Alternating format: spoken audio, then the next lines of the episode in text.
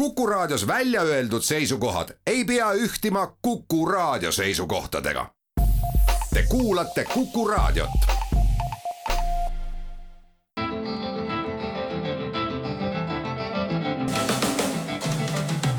julge olla. saate valmimist toetab Kaitseministeerium. tere, saade Julge olla alustab, mina olen ajakirjanik Ainar Ruussaar ja hea meel on tervitada Kuku raadio stuudios Riigi Kaitseinvesteeringute Keskuse direktorit Magnus Valdemar Saart. härra Saar, kahekümne aastase Kaitseväe logistikaohvitseri kogemusega olete te tehnikateaduste magister samamoodi. Te olete töötanud Kaitseministeeriumis aastal kaks tuhat üheksa, osalesite sõjalisel operatsioonil Afganistanis, te olete olnud ka Eesti, Läti ja Leedu ühise jalaväepataljoni Baltpati juures Eesti rahvusliku toetuselemendi ülem. ja härra Saar on lõpetanud militaarlogistika erialakursused Soome kaitsejõudude logistikakoolis ja Ameerika Ühendriikide armee logistikakoolis. noh, päris muljetavaldab mm, lõiguke teie mm, CV-st. mida tähendab ühe riigi kaitsevõime, mis asi see on? tere, tere et äh, no hästi abstraktselt öeldes äh, kaitsevõime nagu tervikuna kindlasti on, on palju asju, kaitsetahe ja, äh, ja liitlased ja, ja valmisolek ja paljud asjad koosmõjus, heidutus ja nii edasi. aga kui mõelda sõjalistele võimetele, siis väga abstraktselt öeldes Äh, on sihuke sõjaline võime, riigi sõjaline võime koosneb äh, noh, väga laias laastus kolmest komponendist, äh, informatsioonist, inimestest ja materjalist. ja meie siis Riigi Kaitseinvesteeringute Keskus tegelemegi peamiselt selle materiaalse poolega, olgu siis taristu või siis, või siis ka noh, sõjalise varustuse mõttes. ehk siis tellisest suurtükini, mürsust, ma ei tea, katuseni? jah nööp, nööpnõelast äh, sõjalaevani on niisugune äh, üsna levinud äh, aforism. on selline loosung iga euro eest võimalikult palju kaitsevõimet. ma julgen väita, et see ei tähenda midagi. suurepärane loosung, aga mida see siis ikkagi tähendab? ma julgen vastupidi väita, et see tähendab väga palju, et klassikalise investeerimisorganisatsiooni põhiline põhiline taotlus on äh, kapitalile leida võimalikult suurt tootlust ehk äh, ROID ehk äh, return on investment, siis investeeringud, jah, tootlust on vist eesti keeles õige öelda. et see kogu, kogu Riigi Kaitseinvesteeringute Keskuse kogu see filosoofia on üles ehitatud üsna sarnasele, sarnasele põhimõttele ja sellele samale teesile ehk et me tegelikult äh, oma igapäevatöös kogu aeg töötame selle nimel, et iga kaitsesse äh, pandud euro tooks tagasi võimalikult palju kaitsevõimet. keeruline osa äh, on siin selle kaitsevõime mõtestamine, kvantifitseerimine ja noh, võrdlemine, võrdlemine mingisuguste alternatiividega, aga päeva lõpuks on see seesama küsimus sellest, milliste investeeringutega riigikaitsele kõige rohkem äh, lisandväärtust tekib? Äh, Magnus Valdemar Saar, inflatsioon on kõrge, pangad tõstavad intresse, see kõik ilmselt mõjutab ka kaitsevaldkonna investeeringuid.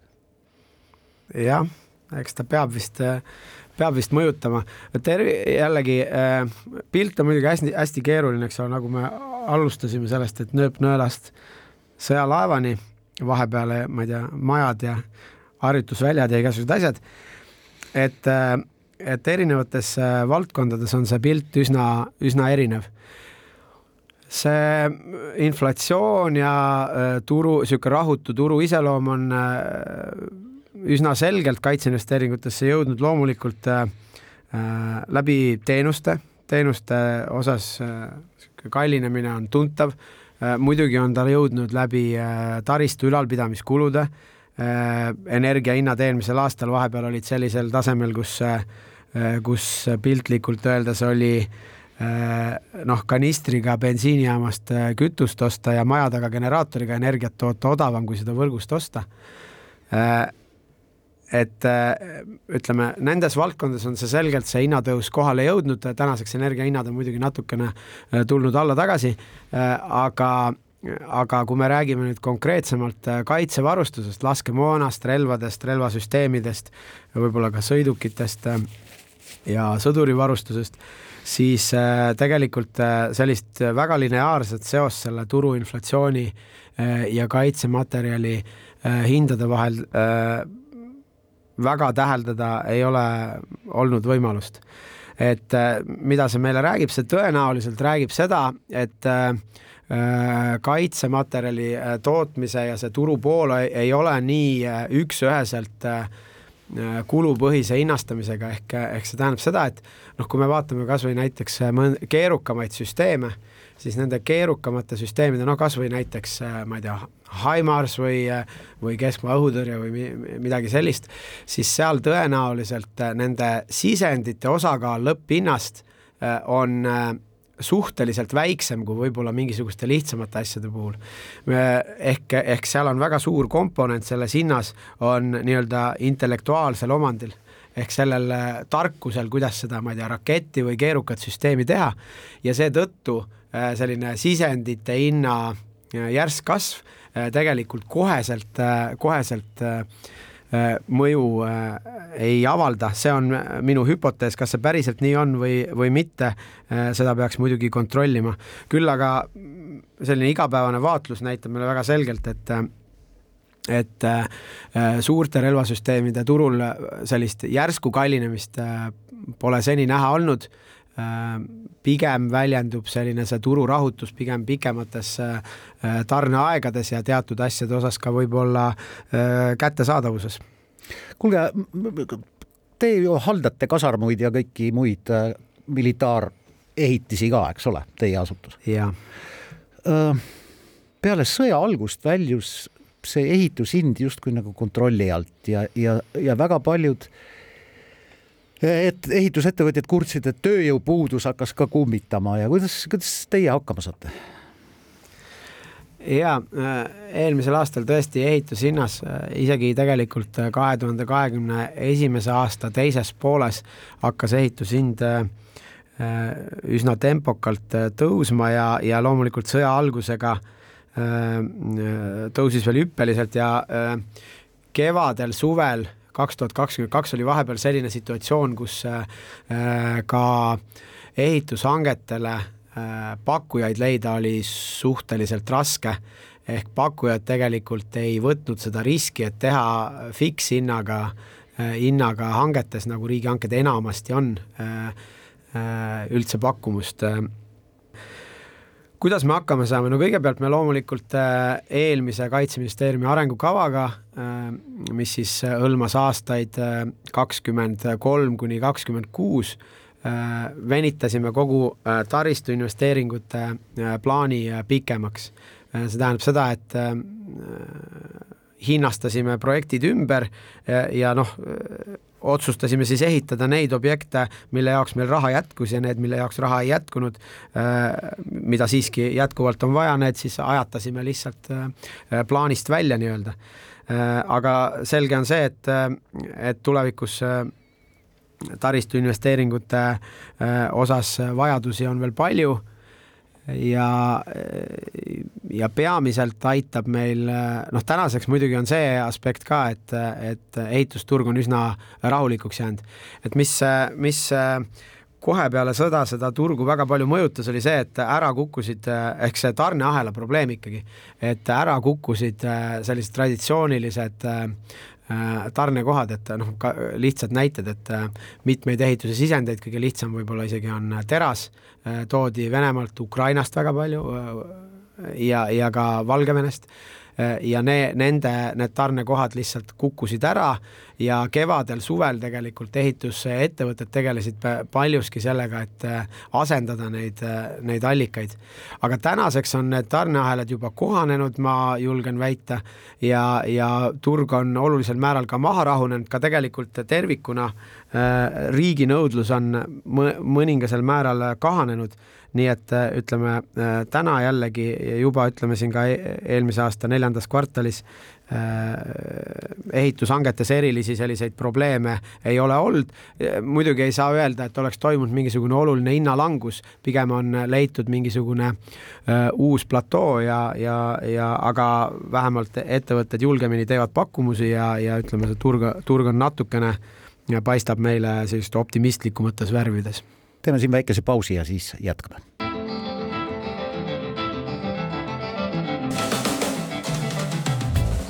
Julge olla. saate valmimist toetab Kaitseministeerium. ajakirjanik Ainar Ruussaar ja saade Julge olla jätkab. kuku raadiol on külas Riigi Kaitseinvesteeringute Keskuse direktor Magnus Valdemar Saar. härra Saar, milline on meie kaitseinvesteeringute aastane maht rahaliselt, kas me saame mingisuguse summa öelda? saame ikka jah, et äh, kogu äh, kaitse-eelarvest äh, läheb nii-öelda siis mitte e-, eelarve tehnilises mõttes, aga nii-öelda investeeringutele ehk taristusse ja varustusse natukene üle poole. kui ma ei eksi, siis see on umbes, viimati oli viiskümmend neli protsenti. ehk see on siis Riigi Kaitseinvesteeringute Keskuse eelarve. summaliselt on see sellel aastal äh, circa kuussada miljonit eurot, millest äh, umbes viissada läheb äh, varustusse ja sada siis taristusse. ja selline su-, suhe on enam-vähem, enam-vähem kogu aeg selle taristu ja siis sõjalise varustuse vahel mõne, mõne aja eest Eesti ajakirjandus viitas sellele, et aastal kaks tuhat kakskümmend kaks hankisime me väga palju laskemoona, rohkem kui viimase kolmekümne aasta jooksul. kuidas see võimalik on, ma, ma, ma ei saa sellest päris hästi aru. jah, see on, see on kindlasti tõsi, nii ongi, et ma isegi ütlen, et rohkem kui kaks korda rohkem kui viiekümne viimase kolmekümne aasta jooksul. et mis see siis tähendab, noh, see tähendab seda, et et äh, meil loomulikult äh, olid ka enne varud, aga sõja alguses ühes, ühena esimestest äh, otsustest otsustati siis lisaraha suunata varude täiendamisele ehk ütleme strateegilises mõttes ja nagu jätkusuutlikkuse suurendamisele. Ja, ja noh, kõige olulisem artikkel muidugi laskemoon. Ja esimene otsus hõlmas siis laskemoona summas, summas natukene üle kolmesaja miljoni euro, millest siis ka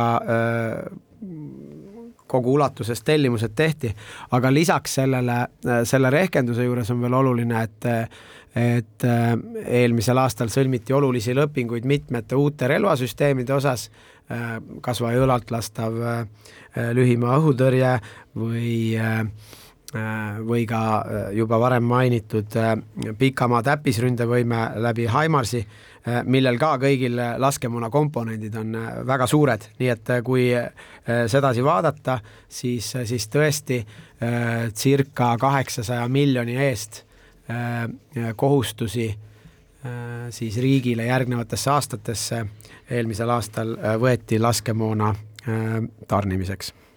härra Saar, ilmselt on see minu järgnev küsimus teie jaoks rumal, aga ma, mind tõesti huvitab, kes ja kuidas ja kus on see tark või need targad inimesed, kes oskavad ennustada, palju meil laskemoona vaja on, millist laskemoona, palju meil rakette vaja on, millest piisab, mida jääb väheks, keegi peab ju need otsused langetama.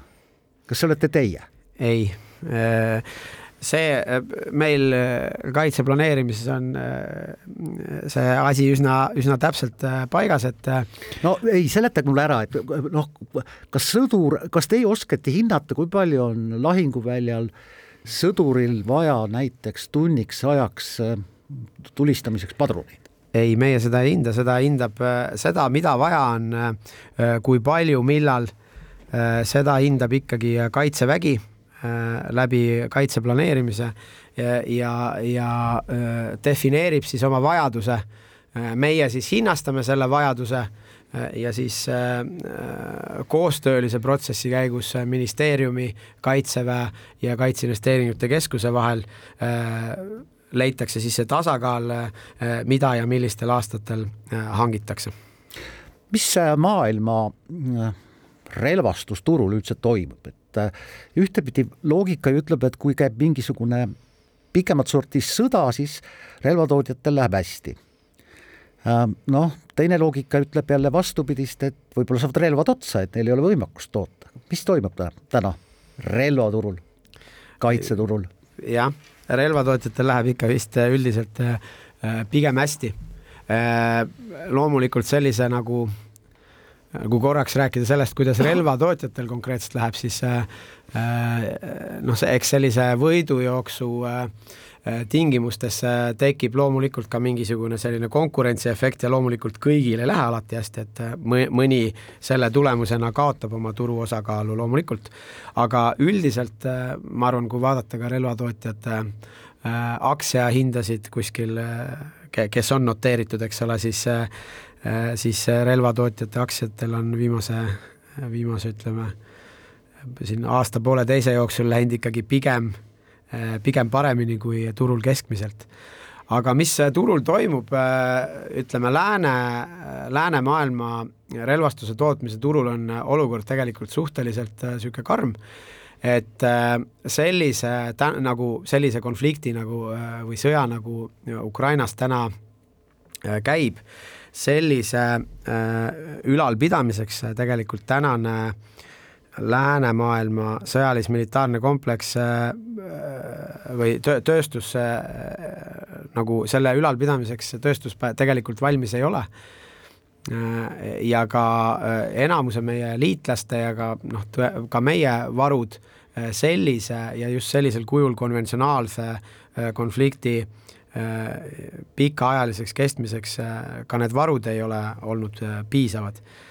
ja nüüd ongi tegelikult juba eelmisest suvest on erinevates form-, foorumites NATO kontekstis sellest töö, tööstuse kapatsiteedi suurendamisest väga palju juttu olnud ja väga palju on ka tehtud ja loomulikult siin kiirem, kiiremini on reageerinud Ameerika Ühendriigid, kes teatavasti täna äh, Äh, täna juba äh, toodab otse Ukraina äh, rindele suurtükimoona. kui ma ei eksi, siis Northrop Grumman on see lepingupartner Ameerika Ühendriikidele, kes toodab, toodab üle kümne tuhande mürsu suurtükk, saja viiekümne viie millimeetrise suurtüki mürsu, mürsu siis kuus Ukraina rindele, esimesed toodetud mürsud äh, peaksid sinna jõudma kusjuures märtsis. Äh, nii et äh, see kapatsiteedi kasvatamine käib, ka Euroopa tootjad kõik investeerivad oma kapatsiteedi võimekusse, loovad uusi tootmisliine, võtavad teisi-kolmandaid vahetusi tööle ja nii edasi. aga loomulikult see noh, ideaalis käiks muidugi kõik palju kiiremini millistesse valdkondadesse me peame lähiaastatel, kui me räägime kaitsevõimest. võib-olla natuke rohkem investeerima, merekaitsesse, õhku, õhukaitsesse. no lähiaastate plaan on meil üsna täpselt, täpselt paigas, isegi euro täpsusega, et äh, põhiosa meie rahast äh, niimoodi abstraktselt mõelda, siis äh, kõigepealt loomulikult uued võimed, mida, mida me sõja õpitundidena oleme otsustanud hakata looma, keskmaa õhutõrje Äh, mille hange on pooleli, on, äh, saab olema üsna pea lepingus ja, ja siis äh, võtab koha ka Eesti kõigi aegade suurima kaitseinvesteeringu äh, äh, tiitli, siis äh, sinna läheb suurusjärgus nelisada miljonit eurot äh,, siis pikamaa täppisründevõimed ja siin äh, mõned nendest on juba lepingus, mõnede osas tegevus alles käib, aga äh, Äh, aga noh, lepingus on teatavasti eelmise aasta detsembri esimestel päevadel allkirjastatud äh, leping Haimarsi, äh, ka Ukrainas kuulsaks saanud Haimarsi soetamiseks Eestile.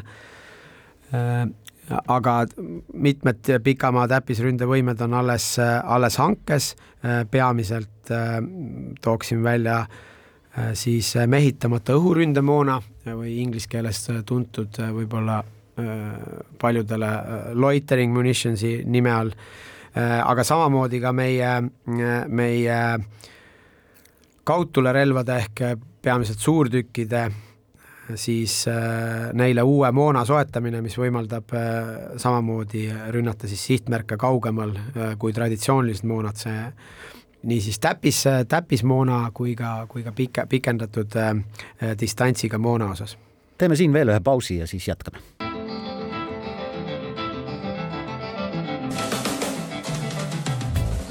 Julge olla. saate valmimist toetab Kaitseministeerium saade Julge olla jätkab, mina olen ajakirjanik Ainar Ruussaar ja Kuku raadio stuudios on täna Riigi Kaitseinvesteeringute Keskuse direktor Magnus Valdemar Saar härra Saar, kas NATO-s on mingid kindlad reeglid, millist relvastust hankida, et see sobib ja see ei sobi? no Kalašnikovi automaate ilmselt ei hakka NATO endale ostma, Eesti ka mitte. Jah, ikka on jah, NATO-l on standardiseerimisorganisatsioon, mis äh, pidevalt äh, toodab äh, uusi ja ajakohastab vanu standardeid. Ja nendele standarditele vastavat äh, relvastust ja laskemoona äh, me üldiselt äh, soetamegi. see tähendab siis seda, et kui meile peaks appi tulema mõne teise NATO riigi sõdur, siis tal ei pruugi küll olla selline relv, nagu on kasutusel meie kaitseväes, aga see padruni millimeeter peab ta sellesse relva sobima? Jah, see ütleme laias laastus on, on teil õigus, seal on muidugi väga palju probleeme ka, et see, ütleme no, äh, relvastusdirektorite ringkonnas, seal on nagu mitu teemat, üks on, üks on siis see nii-öelda koostoimimisvõime inglise keeles interoperability, mis tähendab, et süsteemid on sellised, et äh, kui Eesti sõdur oma süsteemidega sõdib noh, näiteks Afganistanis äh, ja Ameerika sõdur oma süsteemidega sõdib Afganistanis, siis need süsteemid omavahel suhtlevad, nad saavad infot vahetada, ei, ei sega üksteist, ei takista üksteise tööd. Äh, ja teine teema on interchangeability, äh, mis on siis äh, nagu ristkasutatavus, võib-olla oleks õige, õige eestikeelne tõlge, mis tähendab siis seda, et, et kui Eesti ja noh, ma ei tea, Hispaania sõdur kõrvuti sõdivad, siis kui ühel saab laskemoon otsa, siis ta saab teise, teise laskemoona kasutada. ja see, just see teine ehk see interchangeability on loomulikult suur probleem, sest kui me tõesti lihtsamates laskemoona tüüpides seal kas või viis viiskümmend kuus ja seitse kuuskümmend kaks padrunit, siis üldiselt seal seda probleemi ei ole, küll aga kui me lähme, lähme keerukamate süsteemideni, rakettide Äh, rakettide ja ka suurtükimoonani ja, ja ka mere-õhuväesüsteemideni, siis seal, äh, seal see interchangeability äh, probleem on tegelikult ikkagi olemas. Ja, ja noh, lihtsamal kujul väljendub ta võib-olla selles, et, et mingeid laske, lasketabeleid, parameetreid on vaja ümber kalkuleerida selleks, et Äh, mõne liitlasriigi äh, relvastust või laskemoona kasutada, aga halvemal juhul see võib tähendada ka seda, et ei saagi äh, kasutada mõne liitlase laskemoona näiteks. kas me kooskõlastame oma relvahanked näiteks Läti ja Leedu ja Poolaga? kas meil on see kohustus? ei, sellist kohustust meil otseselt muidugi ei ole, aga, aga loomulikult me kooskõlastame. me äh, suhtleme mitte ainult äh, Läti ja Leedu, vaid ka äh, Rootsi, Soome, äh, Norra, Taani, tegelikult kõigi NATO liitlastega ka pidevalt, mitu korda aastas kohtume ka näost näkku ja, ja loomulikult otsime neid kohti, kus, kus me saaks ühiselt tankida, sest et ühiselt tankimine tegelikult pakub väga palju eeliseid. loomulikult on see nagu tehnilises mõtmes ja halduskoormuse mõttes on see kõigile hankijatele äh, tülikam ja keerukam ellu viia, aga siiski ühishankimine pakub väga palju võimalusi, äh, noh, kõige lihtsam on loomulikult mastaabisääst äh, suurte koguste tootmisel, on tööstusel suurem kindlus pikaajaliste et on klient pikaajaliselt olemas ja, ja ta saab oma tootmismahud pika aja peale ära planeerida ja seetõttu ka tegelikult odavamalt toota aga lisaks sellele on enamasti ühishankimises peidus ka see oluline selline insener-tehnilise teadmuse ristjagamine.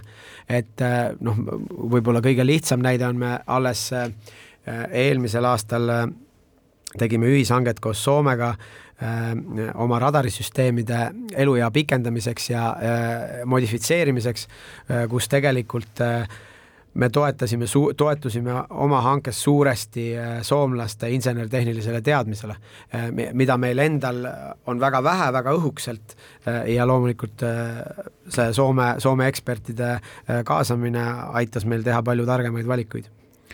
Rasaar, tooge palun kuulajatele mõni edukas näide, kus me oleme teiste riikidega koostöös midagi hankinud.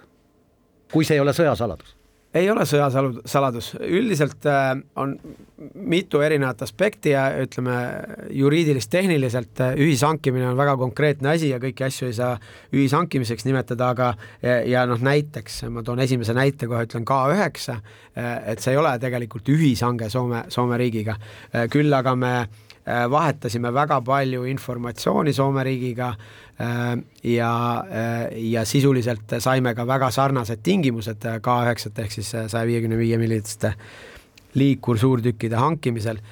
Ja no on täiesti kindel, et sellist sellist tehingut sellistel tingimustel, nagu me koos Soomega saime, me eraldi kindlasti kuskil, kuskil saanud ei oleks.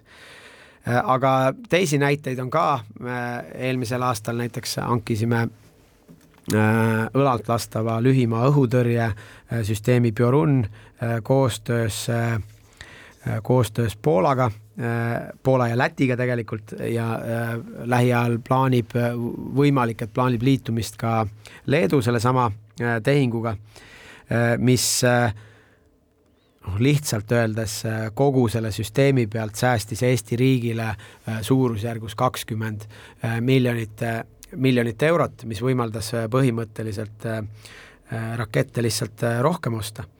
et aga neid näiteid on veel teisigi ja üldse igapäevases hankimises äh, Äh, eriti oma lõunanaabritega Läti ja Leeduga, me väga tihti enne hanke väljakuulutamist äh, küsime Lätilt-Leedult, kas neil oleks sama tüüpi materjali äh, vastu huvi ja meil on täna, ma arvan, et üle paarikümne lepingu, kus kas Läti ja Leedu mõlemad või emb-kumb Äh, on siis äh, üks lepingu osapooltest ja kellel on siis võimalus samamoodi meie lepinguid äh, teatud juhtudel kasutada ja niiviisi noh, näiteks kõige lihtsamad näited on siin erinevad lõhkelaengud, kus Leedu on muuhulgas ka Eesti tootjatelt tellinud laenguid ja noh, neid näiteid on tegelikult päris palju ja me oleme väike riik, aga kui keeruline on ühel väikesel riigil noh, suurte kaitsetööstusettevõtete tähelepanu pälvida.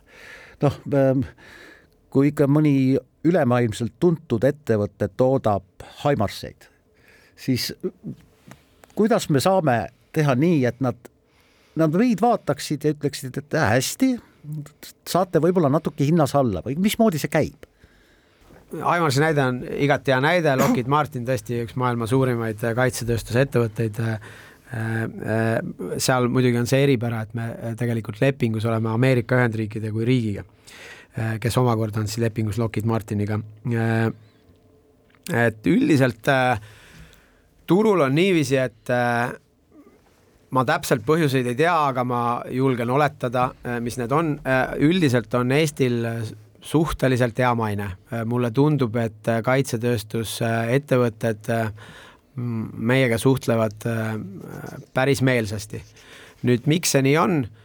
Kõigepealt loomulikult turumajandus, eks ole, iga klient, iga klient on tegelikult lõpuks väärtuslik, aga lisaks sellele ma arvan, et nendes kohtades, kus meie kaitsetööstuse turu mõttes konkureerime, noh, laskemoon, relvasüsteemid, käsitulirelvad, aga ka noh, lihtsamad raketisüsteemid, seal tegelikult äh, äh, me oleme ka suhteliselt äh, me ei ole väga väike klient seal, et ja miks see, miks see nii on, ma arvan, et üks tegur on kindlasti see, et me ostame oma süsteemid alati konsolideeritult, me ei, ei nii-öelda ei tilguta turule seda.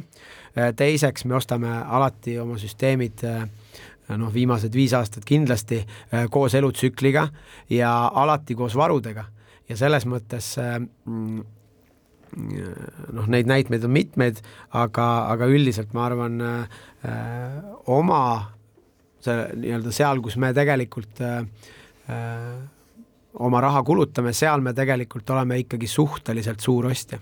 teeme siin veel ühe pausi ja siis jätkame.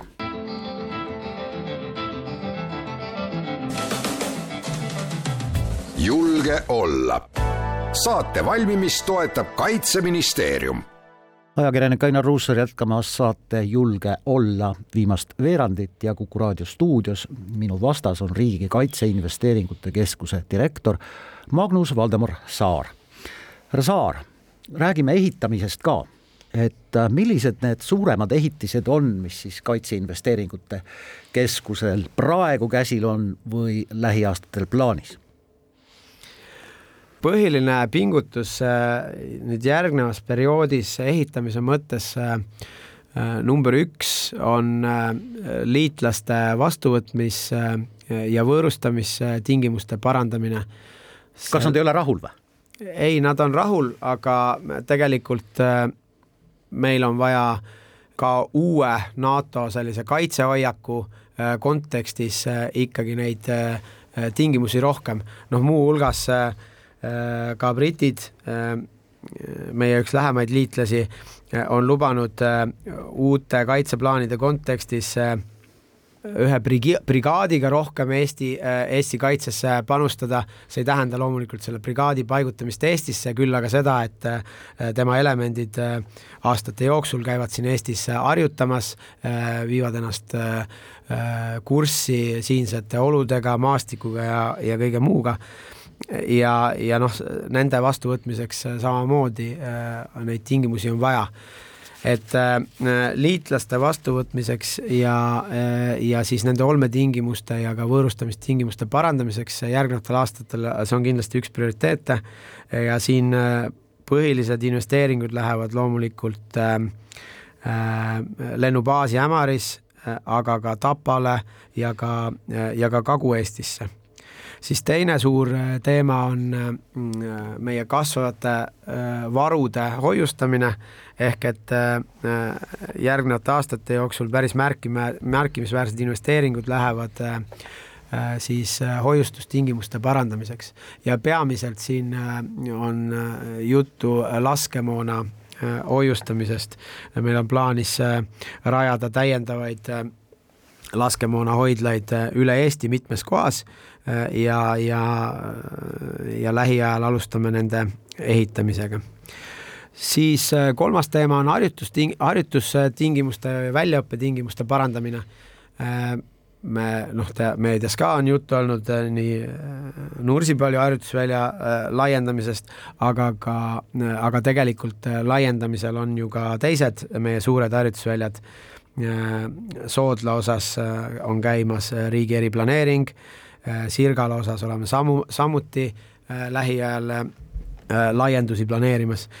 ja harjutusväljade laiendamine muidugi ei tähenda ainult nii-öelda nagu mõõtmete mõttes suurendamist, see tähendab ka täiendavaid rajatisi, nii linnavõitlusrajatistest kui ka laskerajatistest, noh lasketiirudest, aga ka igasugustest manööverkoridoridest ja muud, muudest sellistest rajatistest. nii et väljaõppetingimuste parandamisse äh, Äh, läheb kindlasti äh, ka äh, väga suur osa investeeringutest. Ja viimane võib-olla oluline on siis uute võimetega seotud taristu, sest et kõik need meie uued kallid võimed, keskmaa õhutõrje, mehitamata õhuründe üksused, meie laevatõrjeraketid, meremiinid, nii edasi, kõik need uued võimed samuti vajavad uusi, uut, uut taristut tegelikult, et äh, efektiivselt opereerida. ma küsin selle üle, et, et kui me investeerime nii jõuliselt kaitsevõimesse, mis on absoluutselt hädavajalik, ma ei vaidlusta seda mitte, mitte silbigagi, aga ühel hetkel võib-olla ütlevad meie liitlased, et vaata, te olete tugevad küll, et meie sõdureid pole siin vaja, kas seda ohtu ei ole? ei, ma arvan, et seda, seda ohtu ei ole. Äh, esimene, NATO esimene põhimõte on siiski see, et äh, iga riik teeb iseenda kaitsmiseks piisavalt ja ei lase teiste õlgadel liugu. Ja siin tegelikult ka äh, investeeringuid kaitsesse on suurendamas lähiajal ikkagi kõik äh, NATO riigid. Ja tervikuna kogu NATO kaitsehoiak äh, siin peale Madriidi tippkohtumist eelmisel suvel äh, oli ka meedias sellest palju juttu, et NATO läheb kaitsehoiaku mõit-, mõistes üle siis sellelt nii-öelda komistustraadi kaitselt või noh, tripwire kontseptsioonilt üle siis sellisele eesmise kaitse põhimõttele, forward defense Äh, inglise keeles. see vajab nüüd natuke lahti seletamist kuulajale. jaa, no see tähendab, kui see tripwire äh, või, või komistustraadi äh, selline loogika põhines sellele, et idatiiva riikides olid siis nii-öelda eesmise paigutusega üksused, kes siis nii-öelda oleks kohe olnud kohapeal ja valmis siis ründe alla jäävate riikide kaitseplaanides osalema Äh, ja noh, oleks siis nii-öelda olnud selleks komistusstraadiks, mis, äh, mis äh, kaasab siis liitlased sõjapidamisse, siis selline forward defense'i kontseptsioon kõige lihtsamalt hästi abstraktselt rääkides tähendab seda, et tegelikult NATO võtab sellise aktiivse kaitsehoiaku ja on valmis siis Äh, sõja esimesest päevast kõikide liitlasriikide territooriumit kaitsma äh, noh, esimestest meetritest alates. Kuulge, mida te sinna Tapa valda Rabasaare külasse ehitate? me teeme sinna äh, linna, linna ehitate, sinna räägivad kohalikud? noh, päris linda ei ole, Rabasaare külasse peaks kohe valmis saama siis linnavõitluslinnak, mis siis, mis siis on tegelikult äh, rida selliseid äh, ehitisi, millest, mis kõik ei ole isegi nagu äh, päris hooned, äh, on siis näiteks ainult maja seinad ja aknad, mis võimaldavad siis hästi süsteemselt läbi viia harjutusi linnakeskkonnas toimimiseks. väga põnev, et meie kaitseväelased saavad siis ka õppida ja valmistuda linnalahinguks, mida loodetavasti kunagi pidada ei tule. kuulge, Magnus Valdemar Saar, kui te ehitate mõnda kaitseotstarbelist hoonet, kasarmut näiteks, kas teile tehakse mingeid erandeid, et teie ei pea arvestama, ma ei tea eh,, energiasäästlikkusega või selle, sellega, kui hästi seinad sooja peavad või, või on need üldiselt nõuded ka, ka teile?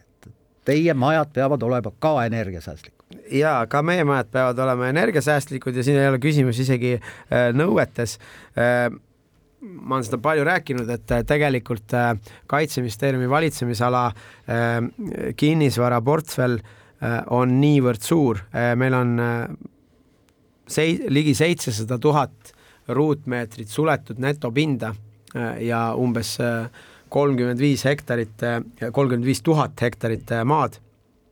et siin ja noh, kulude mõttes me kulutame äh, oma taristu ülalpidamisele suurusjärgus kolmkümmend miljonit eurot, et siin just sellest samast iga euro eest rohkem kaitsevõimet Äh, tegelikult äh, just sellest samast loogikast tuleb välja see, et, äh, et me ise mitte mingid nõuded ei sunni meid säästma, vaid me ise, me tahame säästa, hoida kokku nendelt püsikuludelt selleks, et tegelikult osta rohkem rakette, suurtükke, laskemoona.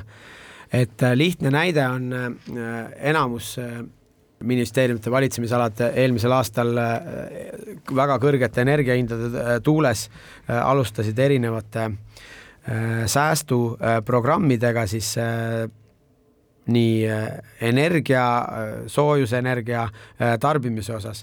Ja meie ka ja meie need säästumeetmed olid päris karmid ja, ja, ja selles mõttes tõid ka noh, mingil määral pahame-, pahameelt aga, aga mis see meile tegelikult eelmise aasta viimase nelja kuuga tõi, see tõi meile miljon eurot nominaalis sääste. Ja, ja kui me nüüd selle, see oli ainult e eelmise aasta viimased neli kuud, kui me selle nüüd ekstrapoleeriks aasta peale laiali, siis me näeme, et samade meetmetega oskuslikult jätkates meil õnnestub taristu ülalpidamiskuludelt siin aasta jooksul võib-olla isegi kaks pool miljonit eurot kokku hoida ja kaks pool miljonit eurot on üks K9 liikursuurtükk. nii et äh, tegelikult see ongi see iga euro eest äh, rohkem äh, kaitsevõimet suur tänu, et tulite Kuku saatesse Julge olla Riigi Kaitseinvesteeringute Keskuse direktor Magnus Valdemar Saar. ajakirjanik Ainar Ruussaar tänab, et kuulasite saade Julge olla kahe nädala pärast, kolmapäeval kell üksteist.